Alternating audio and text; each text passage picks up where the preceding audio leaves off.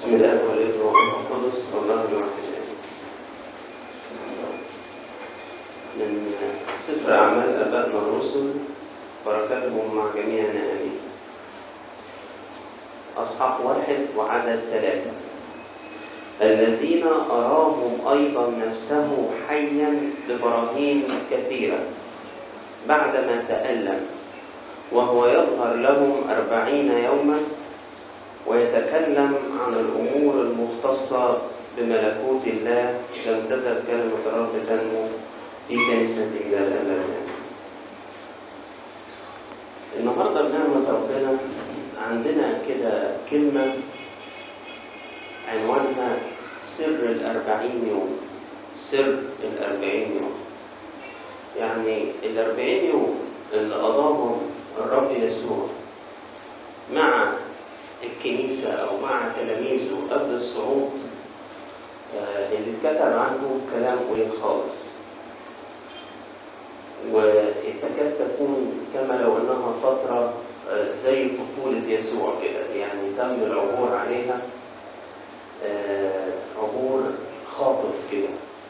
فتظل غامضة شوية بالنسبة لينا مع إن الكتاب فيه تلميحات إن إحنا نفهم عشان نعيش.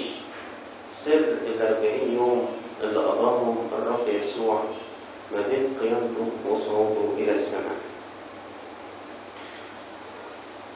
خدمته في الفترة دي كانت مختلفة تماما عن خدمته في ثلاث سنين فاتوا. يعني ربنا خدم ثلاث سنين وتلت والأربعين يوم شكلهم غير الثلاث سنين وتلت خالص. مفيش جموع ومفيش تعليم للجموع ومفيش معجزات وأشفية و... لا. لكن اتقضوا في أمر تاني خالص. اتقضوا في أمر تاني خالص. الآية اللي أنا قريتها هي المفتاح اللي ممكن يخلينا نتتبع الأربعين يوم دول اتقضوا في إيه يعني الآية دي مفتاح لكن في آيات أخرى المفتاح ده هيقودنا إيه؟ بصوا آه القديس لوقا كاتب عنها إيه؟ بيقول الذين أراهم أيضا نفسه حيا ببراهين كثيرة. يعني الرب يسوع كان مشغول في الأربعين يوم إنه يعمل إيه؟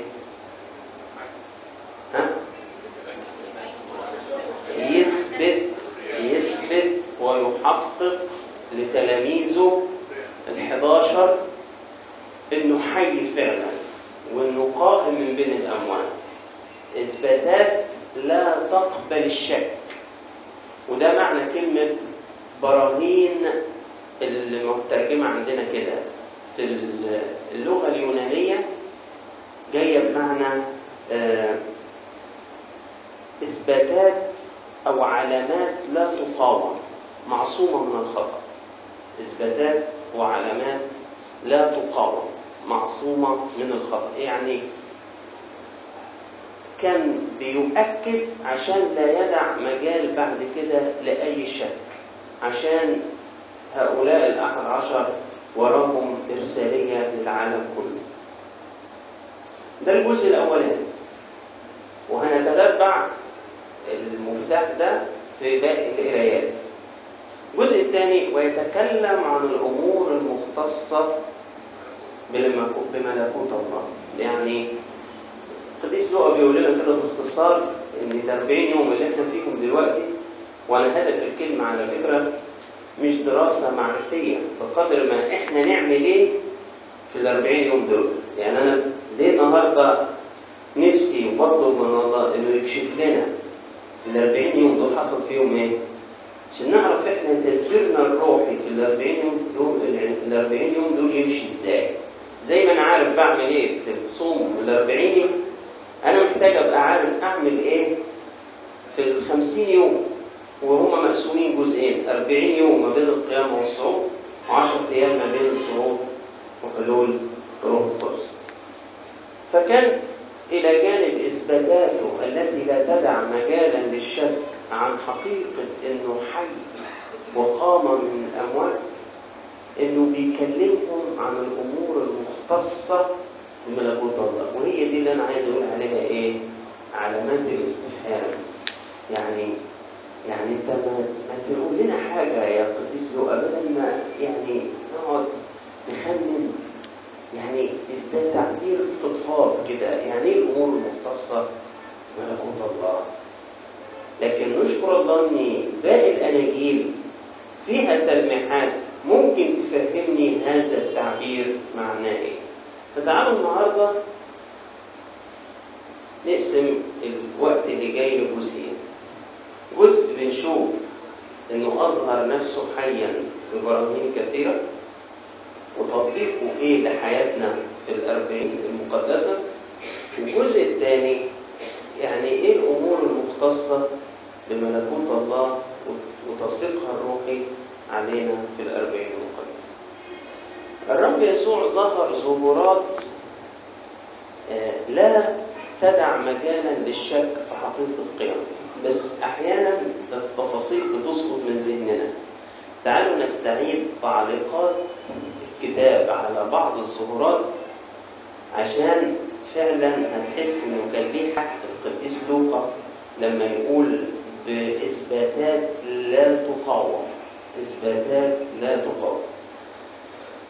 إيه الظهورات يعني أخديكم فرصة تسمعوا عشان تفتكروا. آه إيه ظهورات الرب بعد القيامة؟ مريم المجدليه ومريم ومريم صح؟ المريمتين وبعدين المجدلية. آه. وسمعان سمعان لوحده. آه. وده زي عمواس ويعقوب لوحده وأكثر من 500 أخ. آه والتلاميذ بدون تومه والتلاميذ بدون وعلى بحر طبرية وعلى جبل الصعود. صح كده؟ آه. ووراهم واحد لشاول وكأنه للسقط ظهر لي أنا أصغر جميع الرسل. طيب أنتوا قلتوه طب هفكركم ببعض الكلمات عن الظهورات اللي أنتوا قلتوها دي؟ تفهمنا يعني إيه إثباتات لا تدع مجالا للشك. بصوا كده لما ظهر لتلميذي عمواس حد يعرف الظهور بتاع تلميذي عمواس كان إمتى؟ آه يوم الحد في العشية. يوم الحد في العشية. ف فلما اتكأ معهما أخذ خبزا وبارك وكسر وناولهما. فانفتحت أعينهما وعرفا. ثم اختفى عنهما. لازم تفكر في كلمة اختفى عنهم لأنه لو الحدث ما ذكرش فيه الكلمة دي إحنا ممكن نكون في احتمال لبس جوه التلاميذ. ده واحد في الأول مشى معاهم وما كانوش عارفين إن هو مين؟ المسيح. بعد كده قالوا إن هو. طب يعني إحنا نتأكد منين؟ في علامة غريبة. مش مش وارد إنها تحصل مع أي شخص عادي. إنه إيه؟ اختفى عنهم. يعني بعد ما عرفوه بعد كسر الخبز اللي هو إشارة للافخارستيه بصوا كده إيه؟ ما لقيهوش. هل ده ممكن يكون شخص عادي؟ مش ممكن. ممكن يكون شخص عادي. فقال بعضهما لبعض ألم يكن قلبنا ملتهبا فينا إذ كان يكلمنا في الطريق ويوضح لنا الكتب؟ طب تعالوا نشوف الظهور للتلاميذ بدون تومة. كان عددهم كام بقى؟ عشر. ربنا قال لهم إيه؟ ما بالكم مضطربين ولماذا تخطر أفكار في قلوبكم؟ انظروا يدي ورجلي. بصوا مالكم أنتوا؟ فاكرين ان أنا روح يعني زي كده الاساطير بتاعت الاشباح والحاجات دي؟ لا. بص ادي ايدي وادي إيه؟ رجلي. على فكرة هو إحنا نعرف ان توما الصورة دايما تيجي لنا وهو حاطط ايده إيه؟ آه لكن هنا كان في عرض من المسيح للكل إن هم يعملوا إيه؟ نفس الشيء. بصوا إني أنا هو جسوني وانظروا يعني إيه؟ مسكوني تعال تعال امسكني. تعال شوفني. فإن الروح ليس لها لحم وعظام كما ترون لي. يعني الروح ملهاش لحم وعظم. زي ما أنتم شايفيني أهو. بصوا التأكيد. وحين قال هذا أراهم يديه ورجليه. يعني وراهم إيديه وإيه؟ ورجليه. اثباتات ببراهين كثيرة. اثباتات لا تقاوم. وبينما هم غير مصدقين من الفرح ومتعجبين. قال لهم أعندكم ها هنا طعاما؟ عندكم أكل؟ شوفوا التأكيد. فنولوه جزءا من سمك مشوي وشيئا من شهد عسل فأخذ وأكل قدامه. يعني جابوا له أكل وكان إيه؟ قدامه ببراهين كثيرة. عشان خبر القيامة يصبح إيه؟ يعني غير قابل للشك. الناس دي كانت بتبشر بثقة استنادا على الكلام ده. نحن الذين أكلنا وشربنا معه بعد قيامته من بين الأموات. طب أقرأ لكم حاجة تانية. تلاميذ الأحد عشر ومعهم توما بص قبل ما نشوف هو قال إيه توما نسترجع. هو توما قال إيه أساسا لما التلاميذ قالوا له؟ قال لهم إن لم أبصر في يديه أثر المسامير وأضع إصبعي في أثر المسامير ويدي في جنبه لا أؤمن. والإنجيل بيسجلها بيسجلها على توما انه ما كانش مآمن بالقيامة. ما كانش مآمن بالقيامة. فراح ربنا ظهر. ظهر إمتى بقى؟ للتلاميذ مع توما. الأحد الجديد اللي هو الحد بعد القيامة. وقال إيه؟ هات إصبعك إلى هنا وابصر يدي. وهات يدك وضعها. طب العبارات دي من لسان توما ولا لأ؟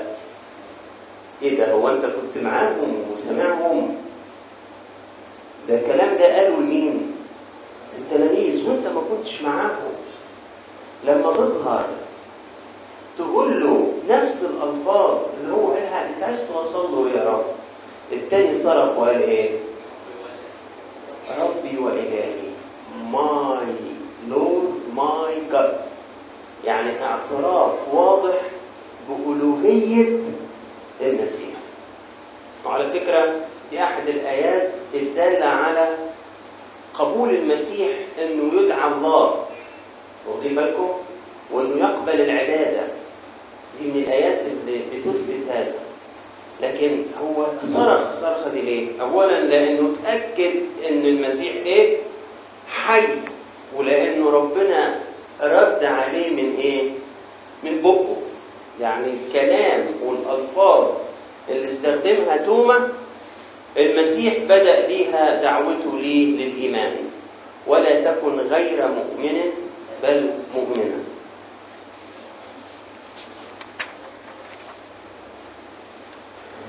التلاميذ كلهم في الجليل.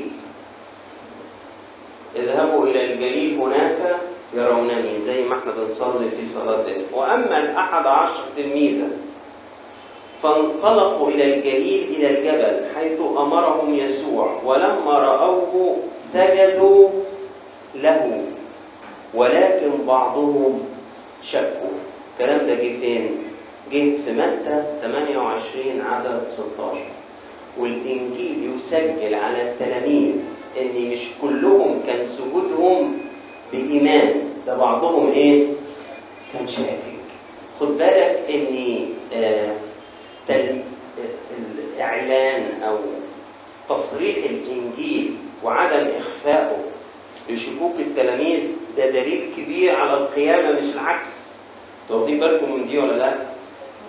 لأنه اللي عنده شك ده الموقف الطبيعي بتاع العالم تجاه القيامة كان موجود في إيه؟ في بعض من التلاميذ وتحول إلى إيمان يبقى لابد إن في شيء أقنع هؤلاء ان القيامة دي إيه؟ مظبوطة. لأنه من الأول ما كانش عنده اتجاه إيه؟ الإيمان. لا بالعكس هو في الأول قال أنا مش هآمن غير لو كذا وكذا وكذا. أنا مش مصدق. فسجدوا ولكن بعضهم شك. عشان كده في أحد العلماء الألماني يقول إيه؟ إنهم شكوا لكي لا نشك نحن.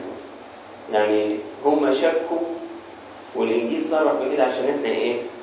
ما نشكش الشكوك دي بتثبت إنهم يتحولوا للإيمان إنه بقى لا ده أظهر نفسه حيا ببراهين لا تقاوم براهين غير قابلة للشك وأبو الطب النفسي المسيحي اللي هو دكتور بول تورنيه ده الناس اللي بيدرسوا مشهورة أكيد سمعوا عنه يقول لك حيث لا يوجد مجالا للشك لا يوجد مكانا للإيمان. الجملة دي مشهورة في كتاب النعمة والذنب بتاع بول تورنيه يقول حيث لا يوجد مجال للشك لا يوجد مكان للإيمان. يعني إيه؟ يعني لو موضوع مفيش احتمالية إنه يتشك فيه. يبقى إيه معنى إن في ناس مؤمنة بيه؟ ما هو الإيمان ده ما يكونش بحاجة يعني عيني عينك كده يعني إيه ما واحد يقول لك أنا مؤمن إن جرجس في شركة أولتا يا سلام. لا فاجئتنا بصراحة. قوة الإيمان دي رهيبة أنا مؤمن إن أنا خدت بكالوريوس تجارة. يا جبت منين الإيمان ده؟ لا دي مواضيع ما ينفعش إن يتقال عنها إنك أنت إيه؟ مؤمن.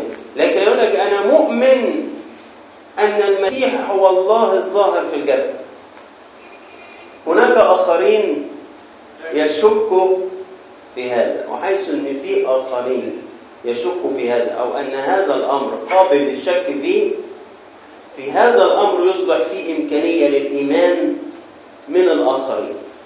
خدتوا بالكم إيه معنى العبارة دي؟ طيب. إيه الهدف من إحنا عرفنا الهدف الإنجيل ذكر الأمور دي ليه؟ لكن ده أنا أطبقه إزاي في الأربعين يوم؟ ده تطبيق الروحي إيه؟ لينا إحنا في الأربعين يوم. حد يقدر يساعدنا كده؟ ها؟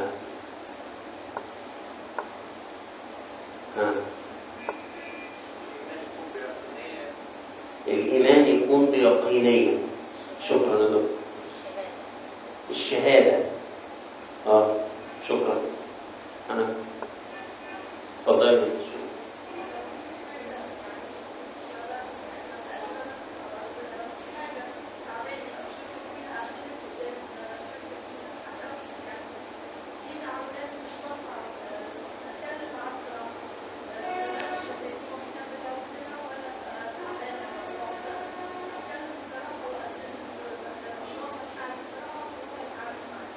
شكرا ها حد يحب افكار حلوة على فكره يعني آه مفيش يعني قصه صح وغلط إحنا مش امتحان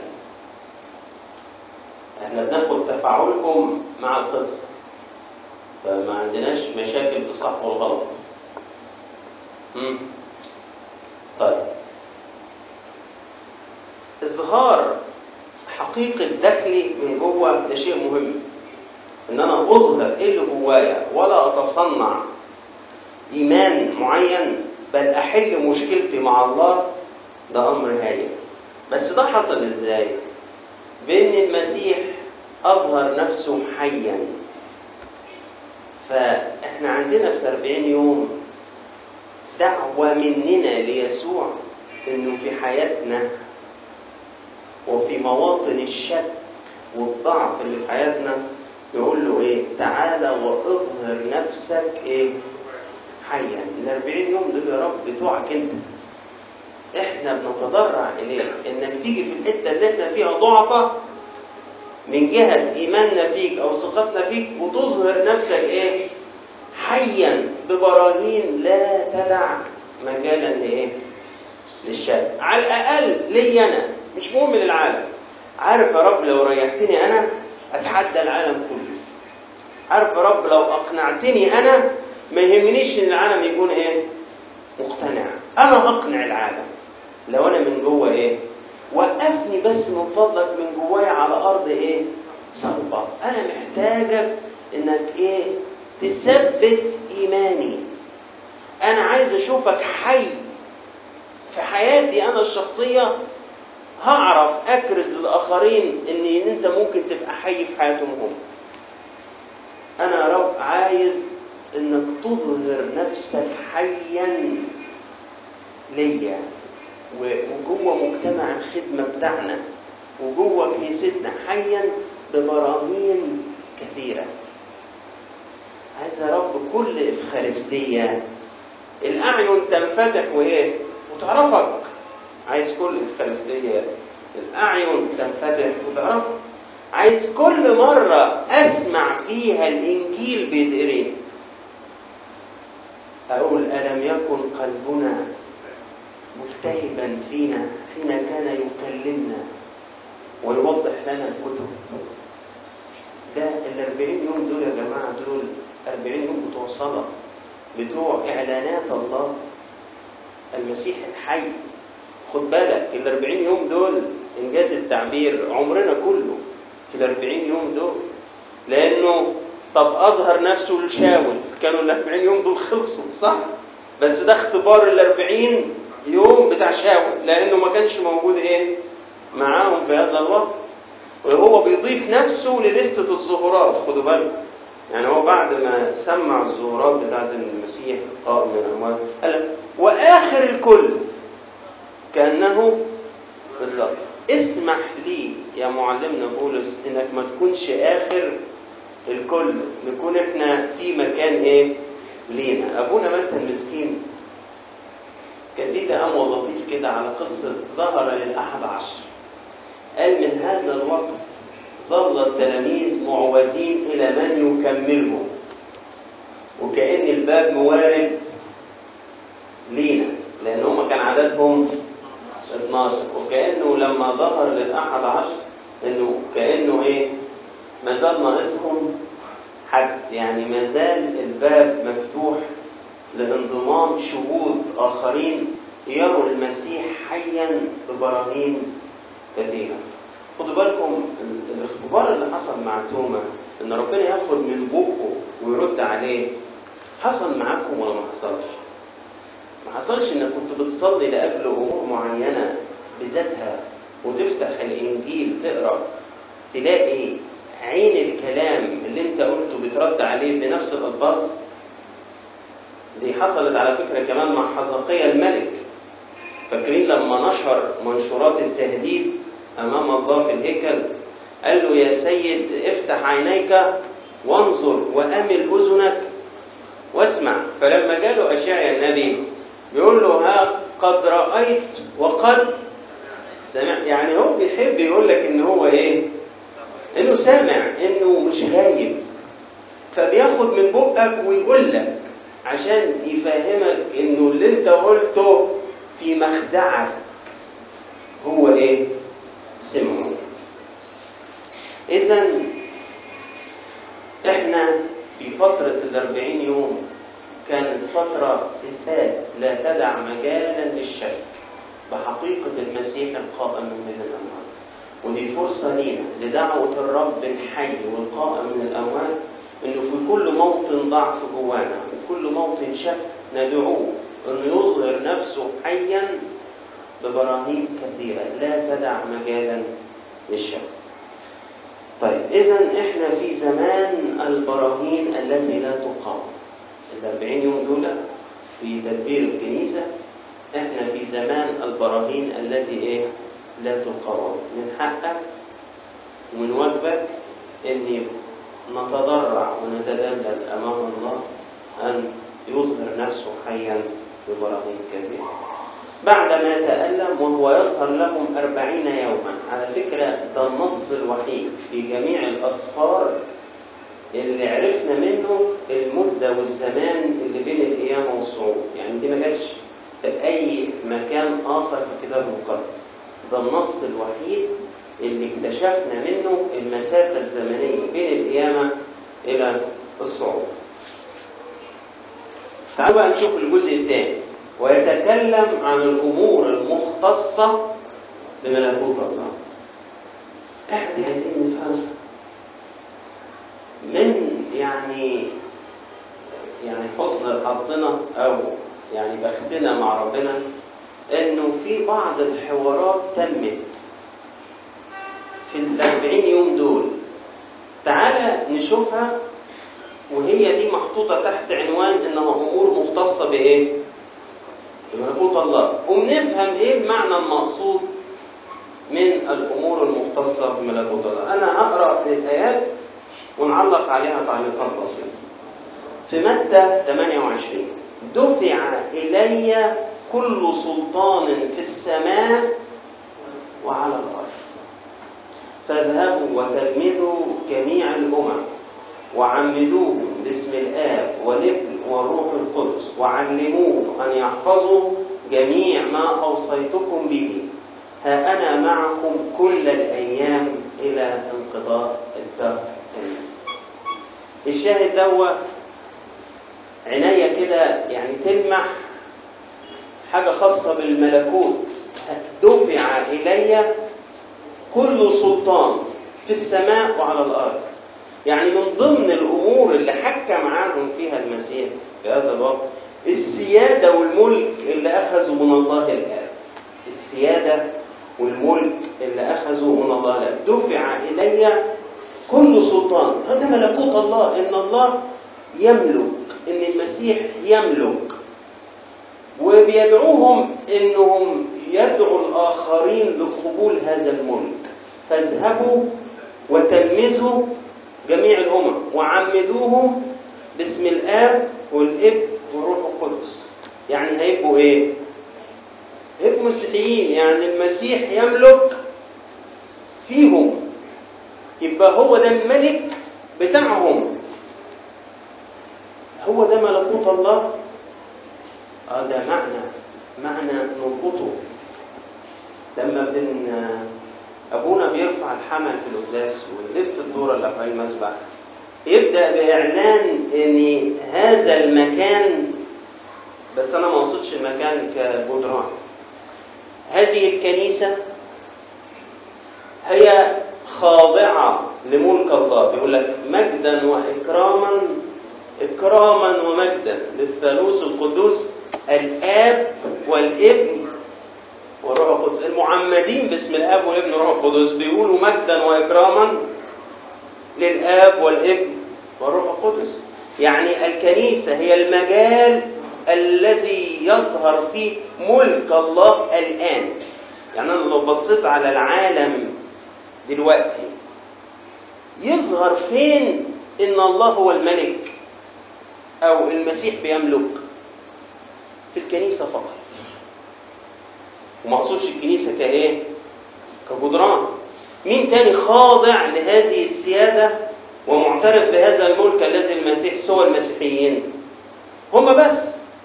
عشان كده ملكوت الله هو الكنيسة. ده المجال اللي بيظهر فيه دلوقتي إن المسيح يملك إن الله يملك. فلما أفهم كده والاقيه بيتكلم انه الأمور المختصة بملكوت الله يعني كان بيكلمهم عن الكرازه عن الشهادة. عشان الكنيسة دي هي المجال اللي هيظهر فيه إيه؟ هذا الملك حاليا. في المستقبل بقى عيانا بيانا الكل هيرى في هذا إيه؟ هذا الملك. يعني كنت مش عايز أدور ذهنكم شوية. عشان كده واحد من اللاهوتيين قال إيه؟ قال الكنيسة هي ما سيصير إليه العالم فيما بعد. يعني في المستقبل مش هيبقى في حد تاني غير غير الكنيسة. لأنه اللي هيقبل إن المسيح يملك عليه هم دول إيه؟ الكنيسة. وخارجا عن ده فيما بعد مفيش حد تاني خلاص. فالكنيسه هي ما سيصير إليه العالم فيما بعد. خلاص. هيبقى أعلن ملكوت الله وما فيش حد موجود غير إيه؟ غير من قبل هذا الملكوت اللي هو الكنيسة. يأكد هذا الكلام إنجيل مرقس. اذهبوا للعالم أجمع واكرزوا للخليقة كلها. من آمن واعتمد خلص ومن لم يؤمن يدن. ولما قال هذا ارتفع وجلس عن يمين الله. يكلموا عن الأمور المختصة. بملكوت الله وعشان كده ما تستغربش إنه لما شافوا ده حصل ما كانوش زعلانين. ده رجعوا بإيه؟ في انجيل لوقا يقول لك رجعوا بفرح عظيم. أصل هو كان بيحكي معاهم طول المدة دي عن إيه؟ عن الأمور المختصة بملكوت الله ما ما تصدموش زي صدمة الصليب يعني المسيح قعد يقري يقري ما قبلوش الحاجات دي ولما جه الصليب حصل إيه؟ صدموا لكن لما جه الصعود ما صدموش لأنه كان يعني زي ما جاي فيما بعد فتح ذهنهم يفهموا في الكتب. طيب نكمل.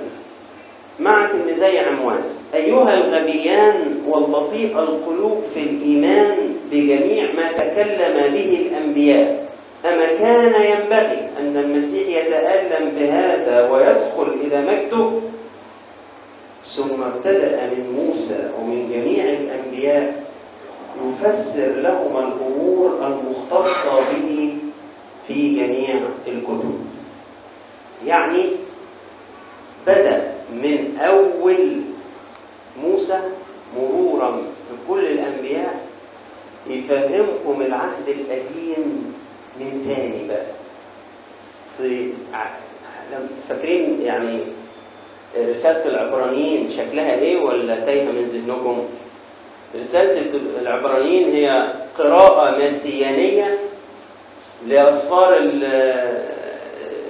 اللويين والتثنية وإلى إلى ما غيره. يعني يعني إيه قراءة مسيانية؟ يعني في ضوء المسيح خلاص بقى. رفع البرقع وبقينا إيه؟ شايفين بقى. شايفين كويس. فهو عمل كده. رجع من الأول يشرح لهم كل اللي اتكتب في العهد القديم عن المسيا وطبعا يعني أنتوا تفتكروا مثلا موسى لما لهم نبيا مثلي سيقيم لكم الرب وتفتكروا إشعياء لما تنبأ عن المسيا ولما قال عمانوئيل وتفتكروا أرميا لما اتكلم عن غصن البر وتفتكروا ملاخي لما اتكلم عن شمس بر اللي بتشرق الشفاء في أجنحتها وتفتكروا كل هذا الكلام صح؟ ده عن المسيا والمسيا يعني إيه؟ الملك صح؟ ابن داوود يعني جاي إيه؟ يملك. فلما يتقال إنه كان بيتكلموا عن الأمور المختصة بملكوت الله أحد معانيها إنه كان بيشرح لهم ما جاء عنه في أسفار العهد القديم. لأن اللي جه في أسفار القديم جاء عن المسيا فهنقولهم بقى من أول وجديد. ده النور. عشان كده يقول إيه؟ ففتح ذهنهم ليفهموا الكتب. يعني إيه؟ نور بصيرتهم. عشان كده شفنا حاجة اسمها الرسالة للعبرانيين. لولا إن فتح ذهنهم ما كانش ممكن إن اليهودي اللي اتربى على الذبايح يقرأ من جديد الذبايح دي في ضوء المسيح تعني إيه صح ولا غلط؟ فوجئنا إن بطرس شاف الموضوع من زاوية جديدة وكتب ده في رسايله الرسالة الأولى لما اتكلم إن إحنا اللي فينا شعب كهنوتي وأمة إيه؟ مقدسة والكلام ده أصلا كان عن مين؟ عن شعب الله المختار في العهد القديم عن أمة إسرائيل لنبي يكلمنا إحنا المسيحيين يقول إن أنتوا إيه؟ أمة مقدسة وشعب اقتناء و... وكهنوت ملوكي الكلام ده مش مش عننا إحنا كان إيه اللي خلاك تقولوا علينا ده فتح ذهنهم يفهموا الكتب وإنه الدم ده معروف سابقا من قبل تأسيس العالم ولينا بطرس بيقول إيه؟ إنه آآ آآ عن أنبياء إنه حسنا تلتفتون إليها كما إلى سراج منير في موضع مظلم حتى ينفجر كوكب الصبح ويطلع في القلوب. لأنه لم تأتي نبوة قط بمشيئة إنسان بل تكلم أناس الله القديسين. إيه ده يا بطرس ده؟ إيه النور ده؟ إيه ده؟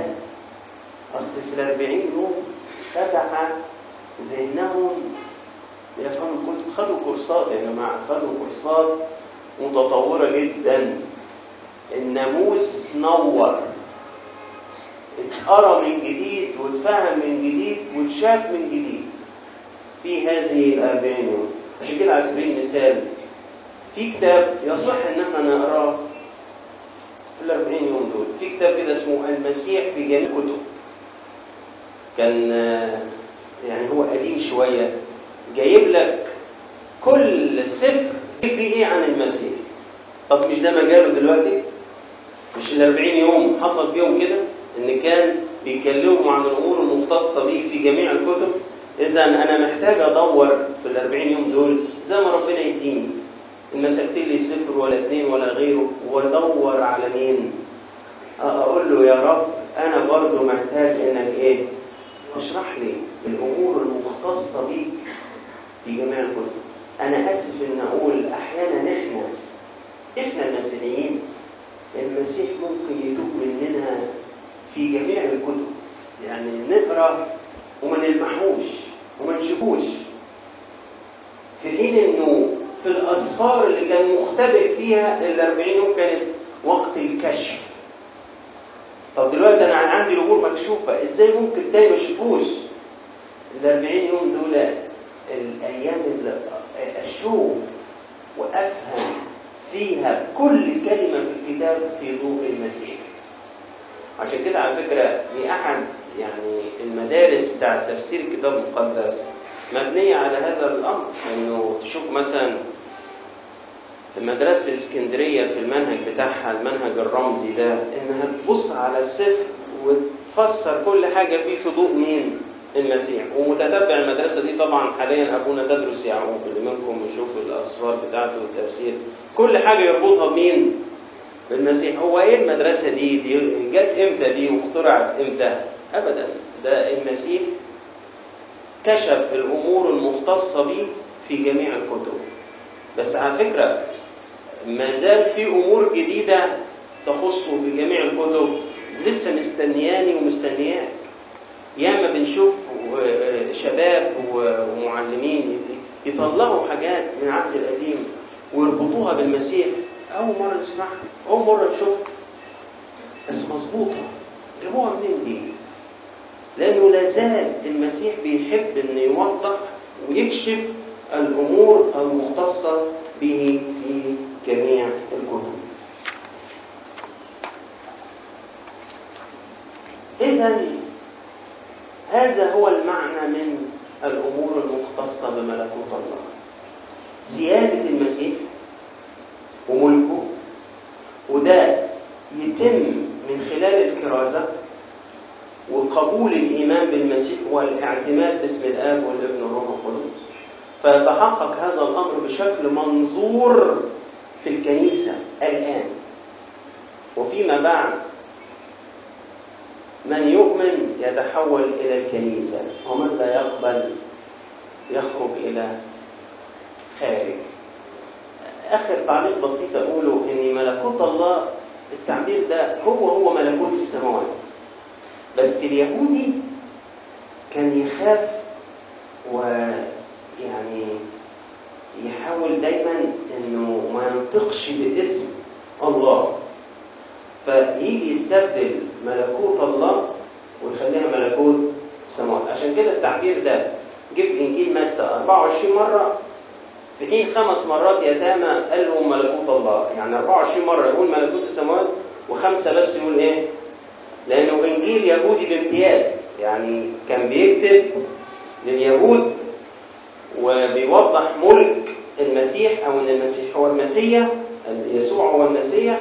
فواضح فيه جدا هذه السمة. أكثر سفر في العهد الجديد جه فيه كلمة ملكوت سوا. يعني استبدلوا كلمة الله اليهود بالمكان اللي اصطلاحا بيعيش فيه مين؟ الله. لكن دلوقتي أقدر أقول ملكوت الناس. إيه رأيكم؟ مش ينفع. هم كانوا بيقول اليهودي كان بيقول عن ملكوت الله إن هي ملكوت إيه؟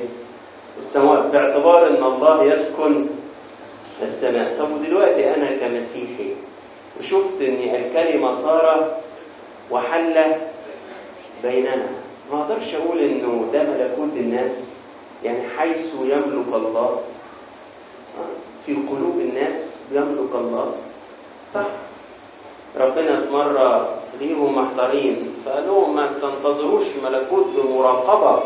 ها ملكوت الله داخلكم. كان بيكلم مجموعة. وفي المعنى ها ملكوت الله في وسطكم. يعني الكلام ده للكنيسة. ها ملكوت الله في وسطكم. ما تقعدش تدور عليه يمين ربنا كده يدينا يعني نستفيد جدا من الأربعين. يوم أنا بخاف خالص. يكونوا فترة طفي المكان. يعني عارفين اللي قطع مشوار طويل. ها؟ وافتكر إن نهايته قداس العيد. لا ده قداس العيد ده يعني جايزة كبرى تساعدك إنك تستمتع بعديه بايه؟ برحلة واخدين بالكم؟ إحنا مش عايزين مع نهاية قداس العيد نطفي المكن وروح كل يا جدع. وابسط لا في مطانيات ولا في قداسات متأخرة ولا في ولا وقرايات القطمارس قد كده اهو. واتبسط يا واد. لا إحنا شفنا الأربعين يوم دول النهاردة كان شكلهم إيه؟ كان فيهم إيه؟ فإحنا نفسنا الأربعين يوم برضه يكون إيه شكلهم كده وقوتهم كده ولإلهنا كل مجد وكرامة في كنيسته إلى الأبد. كان في بعض النبذات كده هي في منها أعداد بسيطة الحقيقة يعني. من المركز الأرثوذكس لدراسات الآباء عن القيامة فأنظروا زميلنا دول الثلاث أنواع الموجودة. طيب. في قيامة المسيح وإشراق النور الإلهي. وفي وقامة في اليوم الثالث الأولى دي للقديس غريغوريوس النيسي والثانية برضه وقامة في اليوم الثالث القديس غريغوريوس النيسي دول اثنين صف كده عن القيامة. في كتاب ده بقى في منتهى الأهمية آه اسمه سر الفداء. الكتاب ده مقسوم نصين النص عن الصليب ونص عن القيامة بس التعليم اللي فيه في غاية الأهمية. عشان كده أنا الصراحة عشان لما بعت أجيبه من مركز الأرثوذكس وما لقيتوش صورت النسخة بتاعتي. من كتر ما أنا يعني مهتم إنه التعليم اللي في هذا الكتاب و يعني يصل لأكبر عدد من الناس. فيمكن دول يعني عموما الثلاثة معرفش عدد النسخ المتوفرة قد إيه. 20 طيب. فاللي يحب منكم النسخ موجودة مع أندرو بهجة وهي كلها أسعارها كلام فاضي يعني. مش عارف 2 جنيه ونص ما بحبش الكتب الرخيصة لكن يلا. اتفضل يا مصطفى.